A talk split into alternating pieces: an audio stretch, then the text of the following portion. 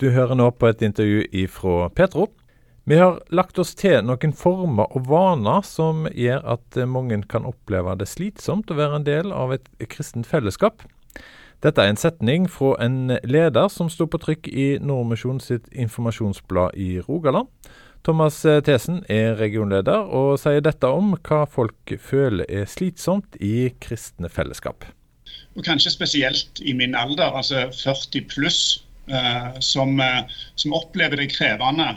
Eh, jeg, ja, jeg hadde faktisk på telefonen her nå bare for en halvtime siden og meg som òg sier det, at det, det er veldig mye arbeid med å legge til rette for disse fellesskapene våre, i tillegg til alt det andre vi holder på med i hverdagen.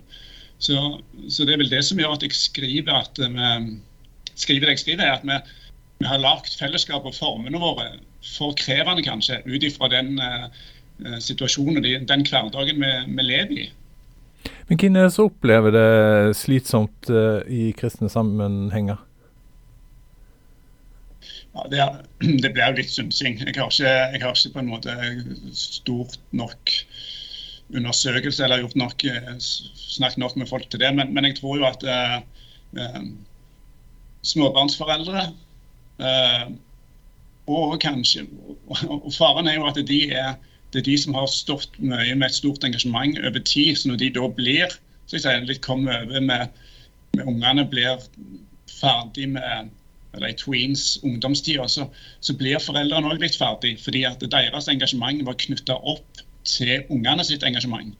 Og dermed Når ungene blir 11-12 år, så er det vanskelig ser vi, å få dem med seg inn i våre fellesskap, inn i forsamling. Og så er det litt sånn at da, da ble vi òg litt ferdig som foreldre. Uh, fordi at det, det, ble rett og slett litt sånn krevende. Uh, litt for mye, Det krevde for mye uh, å, å, gjennomføre fellesskapene våre og samlingene våre. Men er det ingen eldre som, som kunne stoppa dere, i, sånn at dere slapp å komme i den situasjonen at dere nesten brenner i oppgaven? Jo, jeg tror, det, jeg tror, det, er et veldig godt spørsmål. Eh, samtidig så tror jeg at det er eh, jeg tror det er et behov for at generasjonene på tvers står sammen om det. Og ikke nødvendigvis sånn at bare generasjonen foran skal eh, servere og serve kommende generasjon, men at vi sammen klarer å skape noe som gjør at vi har, har, dette sammen. At det oppleves som et fellesskap hvor begge eier det. Eh, og at vi ikke den ene bare kommer og er passiv.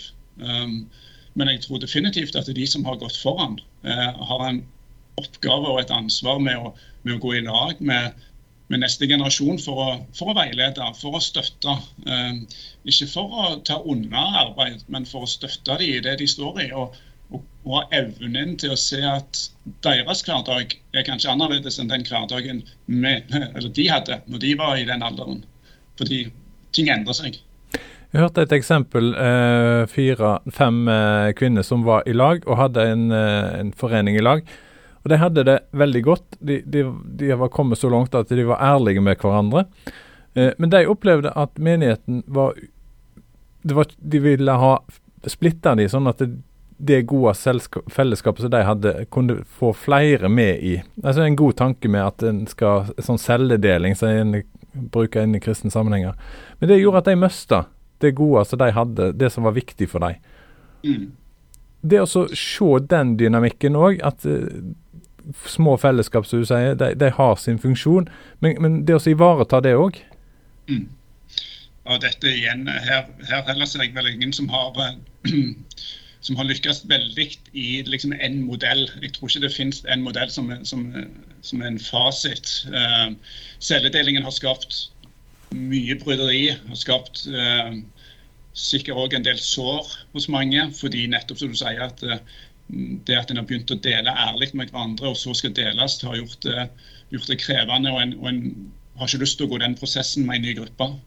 Uh, mens for andre så har det fungert veldig bra. Så det, så det, betyr at celledeling som prinsipp kan fungere. Men jeg tror det er viktig at vi tar hensyn til hvem som er i gruppa.